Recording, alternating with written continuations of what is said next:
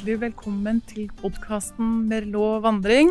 Jeg heter Irene Asphaug, og med meg har jeg gründer og daglig leder i Merlot reiser, Erik Andersson. God dag. Hei, hei. Hei, hei. Hyggelig å se deg, Irene. Ja, hei, hei. Ja, ja. Velkommen igjen. Ja. Vanligvis så er jo du og jeg medprogramledere i disse podkastene, men i dag tenkte jeg at eh, vi skulle snakke litt om deg, Erik, siden det er du som har drevet Merlot reiser siden den spede starten i 1995. Så hva var det som fikk en regnskapsfører til å hive seg på sykkelen, kaste regnskapsbrøkene og dra på tur? Hva var det som skjedde? Altså, det er jo dritkjedelig å føre regnskap, da. Du sitter borti en krok og, og slåss med debet og kreditt og, og sånt, og det er jo ikke så veldig mye spennende. Det er ok, det hender at det er en eller annen reiseregning eller en eller annen julebord som det er litt sånn eh, litt action i, men, mm. men eh, ellers er det det meste innenfor regnskapet er ganske, ganske tørt og, tørt og kjedelig. Så dette var jo mye mer action og mye mer spennende. Samtidig som det er selvfølgelig uh, nyttig å ha regnskapskompetanse. Ja, det har jeg Eh, det, er mye, det er mye tall som går gjennom en sånn virksomhet. Mm, ja, Så- det har jeg merka ja. veldig godt. Men hva var selve inngangen? Hva var det som skjedde som gjorde at du begynte med reiseliv? Nei, altså ja, altså, Jeg um, syntes det var gøy å sykle, og så hadde jeg en kompisgjeng som sykla litt uh, her og der rundt omkring i Nordmarka og sånt. Og så, og så har jeg bodd i Frankrike, så jeg kan det landet ganske bra. Og så fant jeg ut at, eh, at, um, kanskje vi skulle prøve en uh, sykkeltur i Frankrike. Ja, for Det er Ja. derfor du starta med Frankrike? Ja, vi Mhm. starta der. For det er et land jeg kan godt. Og så lanserte jeg den ideen, og det var jo mange som meldte seg på det. Og det var plutselig var vi, plutselig var vi tolv personer. Ja. Og vi dro av gårde, og dette var jo ganske gøy, og alle syntes det hadde vært veldig vellykka etterpå.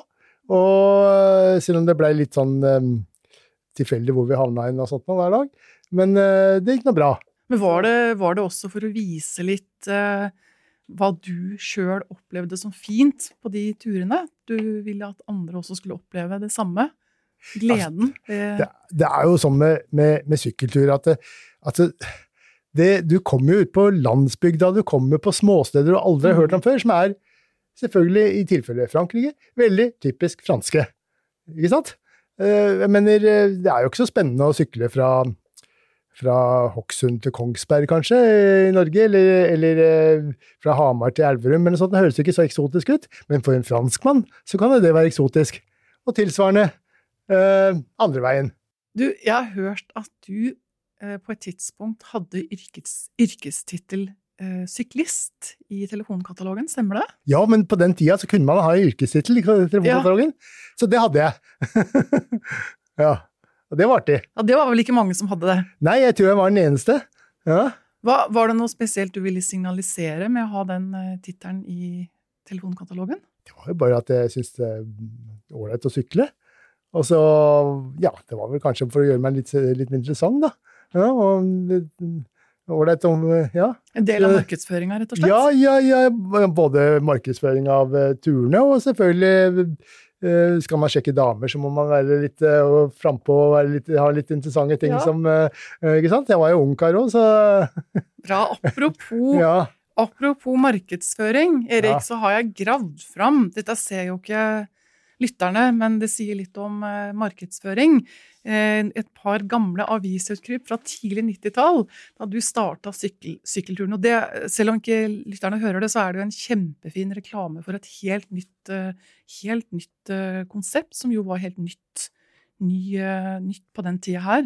Du, og, og når jeg leser de artiklene, så står det jo masse fint om det konseptet sykkeltur fra hotell til hotell, med gruppetur og uten gruppetur. Men øh, øh, Og en av, i en av artiklene så, så, så skriver journalisten blant annet en fenomenal opplevelse i fransk natur- og kulturhistorie. Bedre kondis får man på kjøpet. Kan du si noe mer om dette? Hva er det med disse turene som gjør at eh, vi er så mange som elsker den formen for ferie? Nei, men altså, det er jo, som, som jeg sier, det er jo, det er jo en veldig fin måte å, å altså, Å sykle i et fremmed land er jo en fantastisk måte å bli kjent med landet på. Det er jo, Du får med deg lukter og lyder og stemningen på en helt annen måte, og ikke minst kontakten med, med, med lokalbefolkninga. En person som kommer syklende inn i landsbyen, er jo alltid velkommen. Kommer du inn med en svær sånn campingvogn og bil og sånt nå, så er du ikke alltid like velkommen. Ikke sant? Så, så, du får jo en helt annen kontakt med de lokale, og lett å stoppe, og lett å, å observere ting som detaljer som man ikke ville satt, sett om man satt inn i en bil. På den tida der, og kanskje allerede på 80-tallet, så når folk dro på ferie, så var det jo Syden med stor S. At man slappa av og, ikke, og prøvde å gjøre minst mulig. Og, og du piska jo folk av gårde på sykkelturer. Så for det med aktivitetsferie var jo noe helt nytt, og du var jo en av de første som starta med det her. Kan, kan, du si noe om hva var utfordringene, problemene i starten? Var det noe spesielt som var vanskelig for å få folk til å skjønne at dette her var bra? Ja, det var jo klart at det var mange barrierer her. sånn. Det var jo, folk eh, kom jo til meg når jeg sto på sånn reisemesse og sa at jeg har vært i både Paris og Nis og alle de bilene som er der. sånn. Ikke ville jeg sykla der, i hvert fall. Ikke sant? Eh, ja, det er klart at det, det der med at folk liksom, folk hadde ikke noe tro på at det var noe, at det fantes småveier ut, utafor storbyene, liksom. Eh, det gjør det jo selvfølgelig, både i Frankrike og veldig mange andre land. Så har du jo landsbygda med småveier og sånt noe. Ikke bare det, men du har jo etter hvert også fått sykkelveier som er tilrettelagt for sykling. Uh, igjen mest på landsbygda, uh, selvfølgelig. Det er, det er der det er enklest, da. Selv om storbyene også har fått tilrettelagt for sykling. Men, ja, Så folk meldte seg på, på turer eh, sånn gradvis? ja, ja, ja, ja. Det er klart at det, noen var jo vel, var, Jeg traff jo mange som var skeptiske. Mm. Ja, ja, og Noen sa til og med nei, men jeg har jo bil, hva skal jeg med å sykle noen steder? Ikke sant? Det var jo alt mulig slags sånne ting. da. Ikke sant? Men, men det var jo mange som så, så dette her også, at de ville prøve. Og Så det, det var nok mulig, det. Bare for å ta en sånn kors, kort historisk oppsummering, eh, Erik, så starta du med sykkelturer tidlig på 90-tallet i et firma som heter Erik og Reidar. Etter hvert så opphørte jo den, eh, det samarbeidet, og du drev en liten stund i, i Sverige før du starta med Lå reiser i 1995 og har vært daglig leder ja. siden, bortsett fra en liten hump da under koronaen. Ja. Kan du si noe om hva, hva, hva, hva forskjellen på turene den gangen og turene nå, i dag? Ja, det er ganske stor forskjell, i hvert fall når det gjelder sykkel. For greia er at det, i begynnelsen så var det jo ikke noe tilrettelagt som jeg kunne liksom, noen samarbeidspartnere som hadde uh, ting de kunne hjelpe meg med i f.eks. Frankrike. Jeg måtte jo leie sykler sjøl, lage ruter sjøl, og, og, og da, jo, da, måtte vi ha grupper. Ikke sant? Um, så, så, det var jo selvfølgelig I begynnelsen så var det veldig mye å snekre sammen alt sjøl. Ja. Det, det, var noe, det, var ikke noe, alternativ til det. I dag så er det annerledes. I dag så finner du samarbeidspartnere både i Frankrike og mellom mange andre land som, som uh, hjelper deg på stedet. Som har, uh, som har uh, sykler og organiserer bagasjetransporten osv. Så, videre. så det, det, det, er veldig mye enklere i dag. Ja for, du, ja. for du var jo nede i felta og på en måte ja. sykla og kjørte og gikk rundt og lagde helt alt fra bånda. Vi lagde alt fra bånda, mm. ja. Men det er klart at vi sykla ikke overalt. Det var jo, hvis det var småveier vi kunne kjøre bil på, så sparte vi litt tid ved å kjøre bil. da. Ja, men Det er jo eh, en del turer du lager helt fra bånn av fortsatt? Det er det fremdeles. I, i eh, Colmar i Alsace har vi en tur rundt et hotell med masse forskjellige veibeskrivelser som vi har laga på norsk. Og i Orange i Provence. Eh, samme sak. I Sør-Frankrike. Mm. Men bare for å si det, alle veibeskrivelsene til Merlot Reiser er på norsk? Nei, ikke alle. Nei, Nei, noen er på engelsk. Det er en del på engelsk. Og, og, etter hvert nå så er det også noen turer som ikke har uh, skriftlig veibeskrivelse, men de har kanskje uh, altså GPS-track. Uh, og det er ofte de som er veldig enkle, hvor man følger en elv eller, eller, eller rundt en, langs en kyst, eller, eller sånt noe, hvor det liksom, utgangspunktet er egentlig ganske enkelt. men det varierer litt. Og det er klart at GPS-spor det kommer jo mer og mer, og, så vi får se hvor lenge, hvor lenge disse skriftlige veibeskrivelsene eh, kommer til å eksistere. Men eh, de kommer til å eksistere lenger enn det man tror. På GPS-spor, da mener du jo digitale veibeskrivelser, da folk ja. bruker telefonen? Eh, Gjerne mobiltelefonen, mobiltelefon. men det er klart at det er noen begrensninger her. Da. Først er det batteritid på mobiltelefonen. Og det at, øh, øh, det at man skal, liksom, man skal se den, skjermen, hele tida, ikke sant? Og det er litt sånn praktiske ting. Det er ikke Ja. Ja, vi er jo også noen som elsker kart, da. Ja, både kart og, og, Og fysiske kartet. Ja, så det ja. forsvinner nok kanskje ikke Ja. med det første. Nei. Men hvorfor har ikke Kan du si noe mer om det? Hvorfor har ikke Merlot gruppeturer lenger? Nei, altså, det er klart at I begynnelsen så var det ikke noe alternativ, og da var det lett å fylle opp grupper. Vi hadde jo mange år, eh, kanskje 15-20 avganger med grupper, fra, bare fra Bordeaux til, til Cognac f.eks. Men det er klart at det da, for det første var markedet annerledes. Um, Det var mye større etterspørsel etter gruppeturer. Og, og nå har jo dette utvikla seg. Folk er blitt mer vant til at det, det er ikke så farlig å, å være med på en sykkeltur i Frankrike. Jeg kan faktisk klare det sjøl. Jeg kan finne veien sjøl også. Og det, det har vært uh, mye tyngre å fylle opp grupper. Og, og, og en ting til, det er at det, det er relativt dyrt å gjennomføre gruppeturer. Um, man skulle tro at man fikk kvantumsrabatt rundt omkring, men det får man faktisk ikke alltid. Mange hotellene er veldig små, og da kan det være vanskelig å få plass til noen og 20 personer uh, for én natt, som, som så skal videre.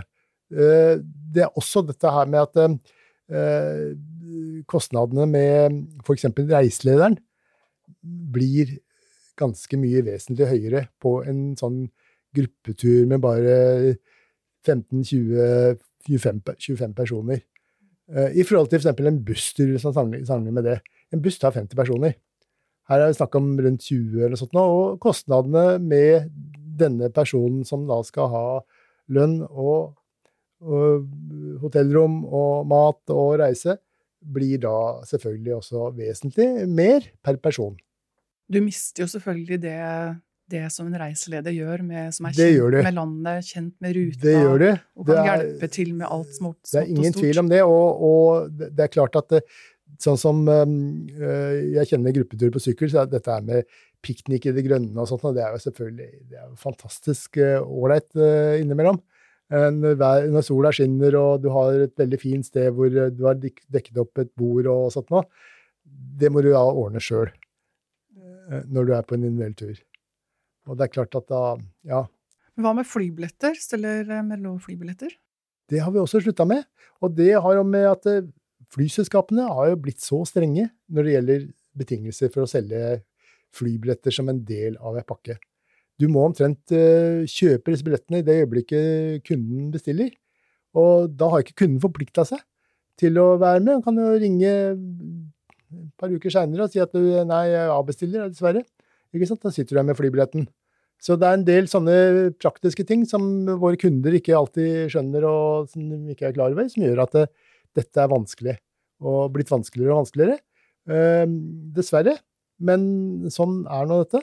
Og samtidig så har jo flyselskapene gjort det veldig mye enklere å også gå sjøl på, på sine nettsider og bestille billetten sjøl, og vi hjelper jo gjerne til med å fortelle eh, hva vi kan anbefale av, av fly på, på, på de forskjellige turene du skal på. Dette kommer jo litt over i det neste spørsmålet mitt. Eh, Du sa at dere, at dere har sluttet, slutta med gruppeturer, stort sett. Mest individuelle. Folk ordner flybilletter sjøl. Eh, forskjellen på kundene da i starten, når du starta på 90-tallet og nå, hvordan, hva har skjedd? Det som har skjedd, er at kundene har utvikla seg og blitt mer erfarne. Eh, altså De er rett og slett blitt mer reisevante og, og mer eh, at de, de klarer seg sjøl på veldig mange flere måter. Eh, først og fremst når det gjelder eh, dette med flybilletter, ja. At de er vant til å gå og kjøpe flybilletter på nettet og sånt noe, og ordne dette sjøl. Og dette her med at man også er vant til at, eh, at, at hvis jeg bare får sykkel og bagasjetransport og bestilte hoteller og veibeskrivelser og sånt, så klarer jeg resten selv, faktisk. Nå har vi snakka mye om historien opp, under, eh, opp gjennom åra og sånt, men eh, nå Men- har jeg lyst til å høre litt om Merlot sine destinasjoner. Men du vil kanskje si noe annet først? Ja, det er én en ting til. Ja, eh, dette her med, med forskjellen på før og Ja. eh, tidligere og nå. Ja. Det er også det at folk også er blitt vant til dette her med at, at, at det er gjerne sånne vennegjenger som reiser sammen. Slik at de lager sin egen gruppe, ofte.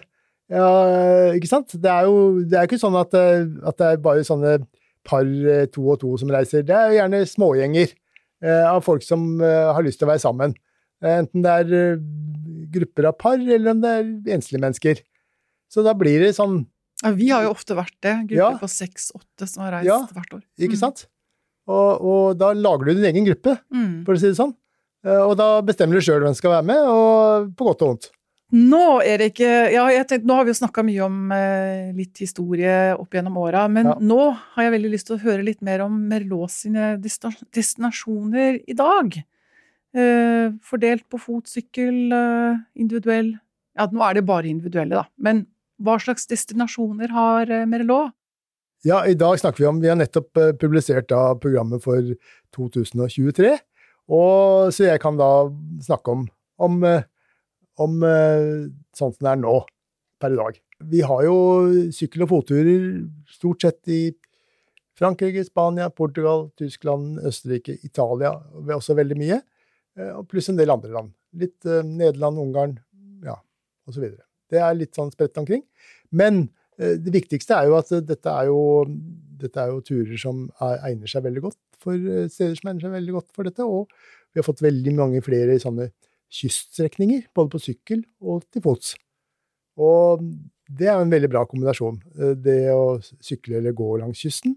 eh, Da kan man kombinere med litt bading og litt sånt, og så er det alltid fine landskaper å se. Mm. Er det noen nye destinasjoner som seiler opp i Europa? Ja, altså det er stadig vekk nye. Vi har eh, nettopp fått Sierra Nevada, for eksempel. Topptur i, til fastlandsspanias høyeste topp. Og eh, den er ny i år. Den er faktisk ikke så vanskelig. Selv om det er på over 3000 meter, så, eh, så er den siste biten opp til toppen relativt enkel. Men det er klart at eh, du må tåle høyden, og du må tåle lufta som er der.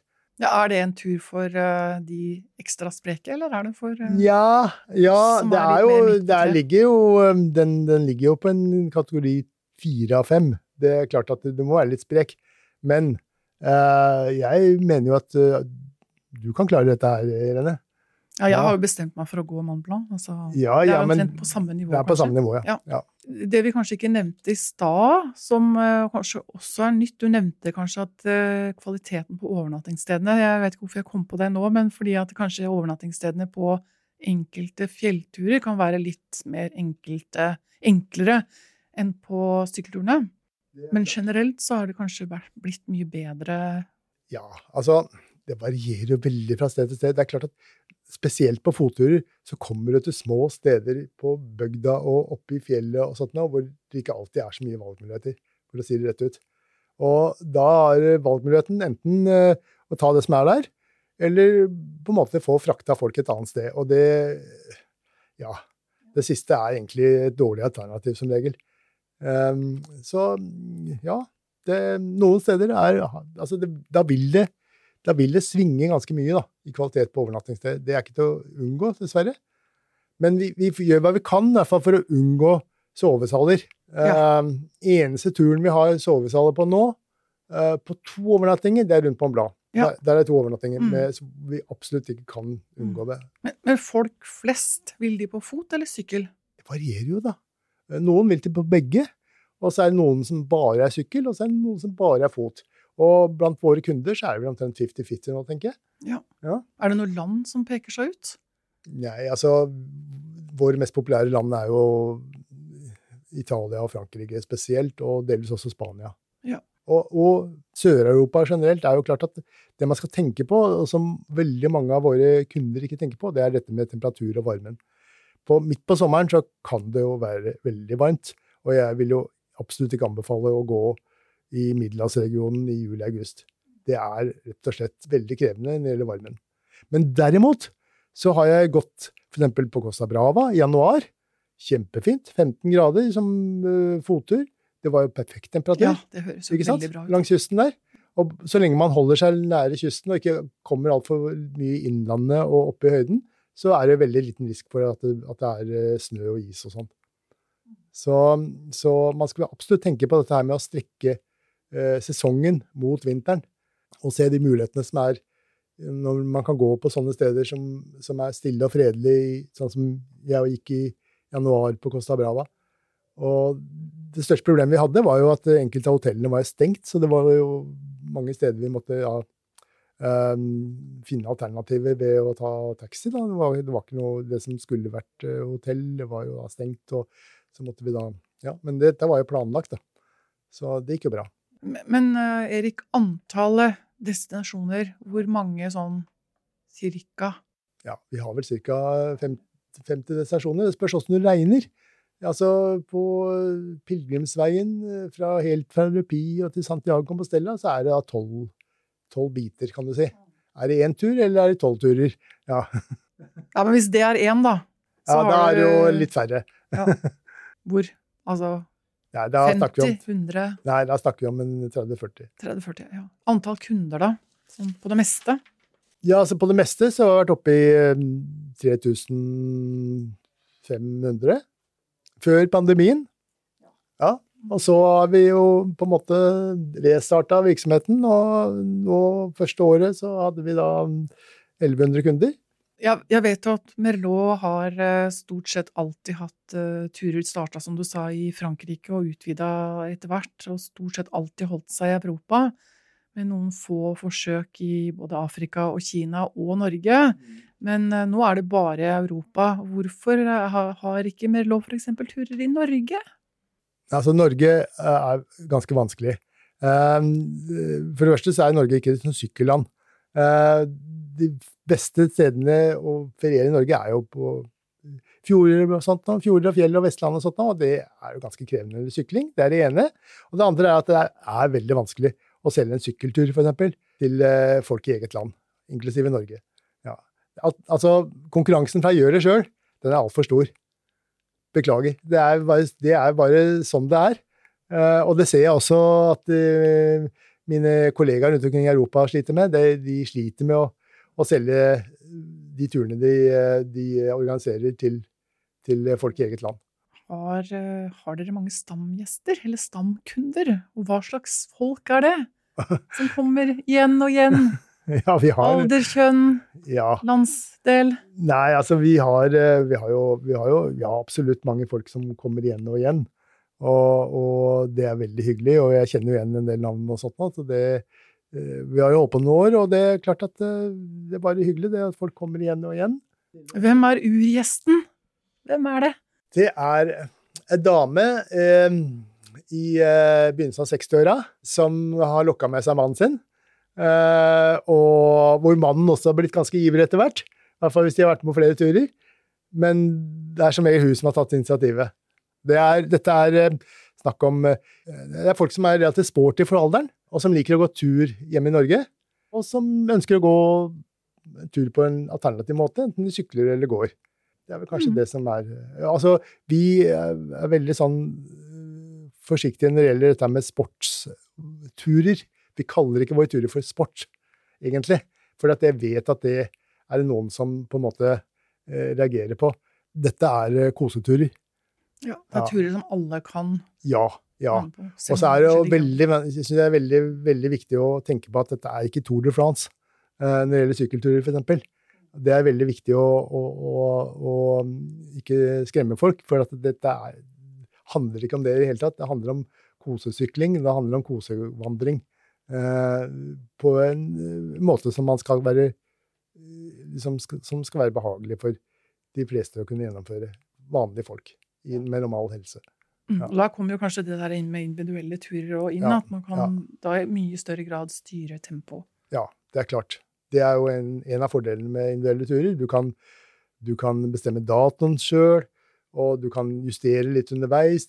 Våre veibeskrivelser på, på vandringsturer så står det gjerne juksetips eh, om du, hva du kan gjøre hvis du på en eller annen måte ønsker å avstå i dag, eller ønsker å halvere turen hvis det er mulig så står det litt om det. Jeg opplever jo deg, Erik, som en person som har fortsatt masse energi og ideer og tanker om hvordan du vil drive med lov, både når det gjelder destinasjoner og måter å jobbe på. Og du har alltid vært eh, veldig tidlig ute med, med måter å, å, drive på, og alltid vært på ballen i forhold til ting i tida.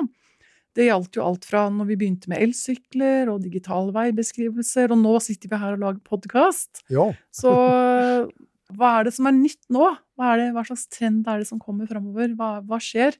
Hva blir det neste? Ikke det at jeg skal drive med dette, jeg skal holde meg til sykkel- og fotturer, men det er klart at jeg ser jo at det finnes jo andre måter å bevege seg på. Eh, eh, ikke sant? Det er Ja, og sånn. Ja, vi har jo begynt med langrennsturer, eksempel. Eh, men det, blir ikke noe stor greie, kanskje, for det, er ikke så mye å velge mellom. eh, Langrennsturer rundt omkring i Europa, det er Nord-Italia i så fall. Ja. Men eh, det er klart at det er ingen Man kan jo ha eh, alle mulige slags turer som man kan gjøre alt mulig rart for å komme seg fram. Man, padling eller, eller kajakk eller ja, hva som helst. Eh, Med litt assistanse om bagasjetransport og sånt, så er det jo egentlig bare fantasien som sitter grenser.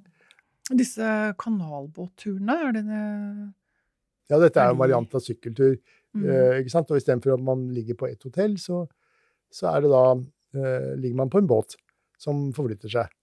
Um, og da våkner du om på morgenen i en havn og tar ut med sykkelen, og så sykler du dagens etappe, 40-50 km, og møter båten igjen på et annet sted. Den har, den flytta på seg, slik at eh, det er hotellrommet som, som Eller kabinen på, på båten som, som er der igjen. Det det er kanskje litt sånn utafor Merlot, men sånn generelt eh, innen reiselivet, trender eh, hva, hva tenker du om det? Altså generelt på reiselivet, og hvor, hvor, hvor folk vil reise, og hvordan de vil reise? sånne ting dette utvikler seg jo hele tida, og det er klart at det, det, det er ingenting som stopper dette. Det, trender er jo der hele tida. Sånn, sånn er det jo. Um, og hvor vil folk reise? Ja, de vil gjerne oppleve uh, Altså, folk vet veldig godt hvor de vil reise. Når de ringer til oss, så er det veldig klart uh, hvilke ønsker de har. Da må vi prøve å oppfylle det. Men det er klart at det som, uh, det som går igjen, er jo selvfølgelig at det, det er jo alltid noen geografiske navn som på en måte skiller seg ut, som er liksom sånn derre eh, Alle skal dit, liksom. Ja. Ja, som for eksempel? ja som eh, Toskana i, eh, i Italia, og Provence i Frankrike, og, og litt sånne ting. Ja. Det er eh, sånn det alltid har vært. Alle tror jo selvfølgelig at de er eneste som har oppdaga at det, dette er jo et fantastisk sted å reise til. Ja. Men eh, skal alle dit. ja. Så jeg syns jo at absolutt at folk bør tenke nytt litt, og tenke liksom litt på at i hvert fall når det gjelder sykling og vandring, de beste stedene å sykle og vandre på er jo ikke nødvendigvis de, de stedene du har hørt om. Eh, for dette er jo dette er en aktivitet som foregår på, på bygda. Eh, og da er det klart at det er veldig mange fine steder å sykle og gå som du helt sikkert aldri har hørt om før. Også det som du var inne på i stad, det med å tenke litt på ikke alltid reise midt på sommeren. Ja. Det er mange fine steder man kan Ja. dra til på vinteren eller Ja, høsten, og- tidlig vår. Tidlig vår, sen høst Mm. og til og med vinteren. Mm. Når det er snakk om middelhavsregionen. Men nå, Erik, da må, nå må vi få noen historier her. Kan du fortelle oss som hører på, din verste reiseopplevelse knytta til en Merlot-tur? Ja, altså Min aller verste reiseopplevelse skjedde jo nå nylig. Jeg tryna på sykkelen i Provence og bang i gata og, og, eh, og brakk eh, lårhalsen. Eh, Havna på lo lokale sykehus og elleve dager der og ja, og så videre. Dessverre så er det slik at en, når man flytter seg på en sykkel, så er det forbundet med litt fare innimellom. Det, det skjer ting. Det var helt min egen feil. Jeg mista balansen, og plutselig lå jeg der og sprella i gata. Så, men dessverre så er det jo slik at vi også da hører blant våre kunder at iblant så er det folk som har, har vært utsatt for små uhell. Heldigvis har jeg aldri hørt om noen som har, omkommet. Men, men at folk har havna på sjukehus og brekt bein og sånt noe, og diverse ting, håndleddsbrudd og sånne ting, det, det er dessverre noen vi hører om, ja.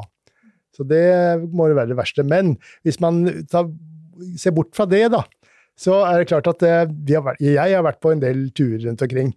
Litt rariteter. For at jeg må jo ut og utforske og finne fram til ting. Og for en eh, ja, det var vel eh, rundt år 2000 eller sånt, så var jeg en tur i Kina. Og, og for å se på en sykkeltur der. Og det var mest veldig sånn, litt eventyrlyst også. Øh, jeg fikk kontakt med en kar i Hongkong som mente han hadde veldig god greie på, på sykkelturer inne i Chechuan-regionen. Og jeg fløy dit, og jeg traff han, og vi fløy inn til hovedstaden i regionen som heter Chengdu. Og ja, der skulle vi øh, bruke noen dager rundt omkring i regionen for å se på hva han mente var fantastiske sykkelturer. Det jeg ikke visste, var at denne her karen her sånn, han, øh, ja, han var veldig alkoholisert. Og, og, hadde egentlig ikke greie på sykkeltur i det hele tatt. Uh, vi havna på en sykkel som var bare sånn møkkasykkel, sånn der, uh, gatesykkel nærmest, når vi sykla rundt i Chengdu. Og han var ganske svær, brannende, sånn overvektig. Uh, og på kvelden, første kvelden allerede, så var, var vi var jo på en bar som han skulle dra meg med på. Og jeg var jo med før jeg ble kjent med han, så var jo selvfølgelig jeg med også. Han pøste innpå. Uh, og, og, det blei så ille at jeg måtte fant ut at jeg hadde heldigvis eh, kortet fra hotellet i lomma, så jeg fant ut at nei, nå må jeg bare ta en taxi og komme meg hjem. ja. Han vil i hvert fall aldri oppleve å møte en Merlot-reiseleder eh, på den måten der. nei, altså det er klart at jeg kjøpte alle noen sykkelturer av han, for å si det sånn. Uh, han, uh, vi kom oss ut av byen etter hvert etter noen dager, da, og på landet så, så roa han seg litt lenger mer ned. da. Uh, så det, vi gjennomførte jo for så vidt, men ja.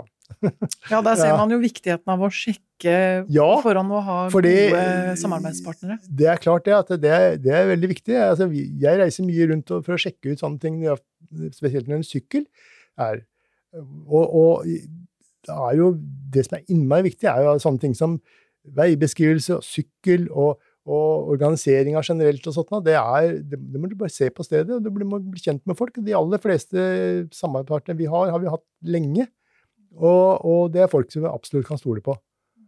Og så er det noen jeg velger bort. Av forskjellige grunner. For det er en del eh, useriøse cowboyer innimellom. Har du fortalt din verste opplevelse? Kan du si din beste opplevelse? Turopplevelse? Altså, det er vel ikke én, da. Det er mange. Det er jo det, da.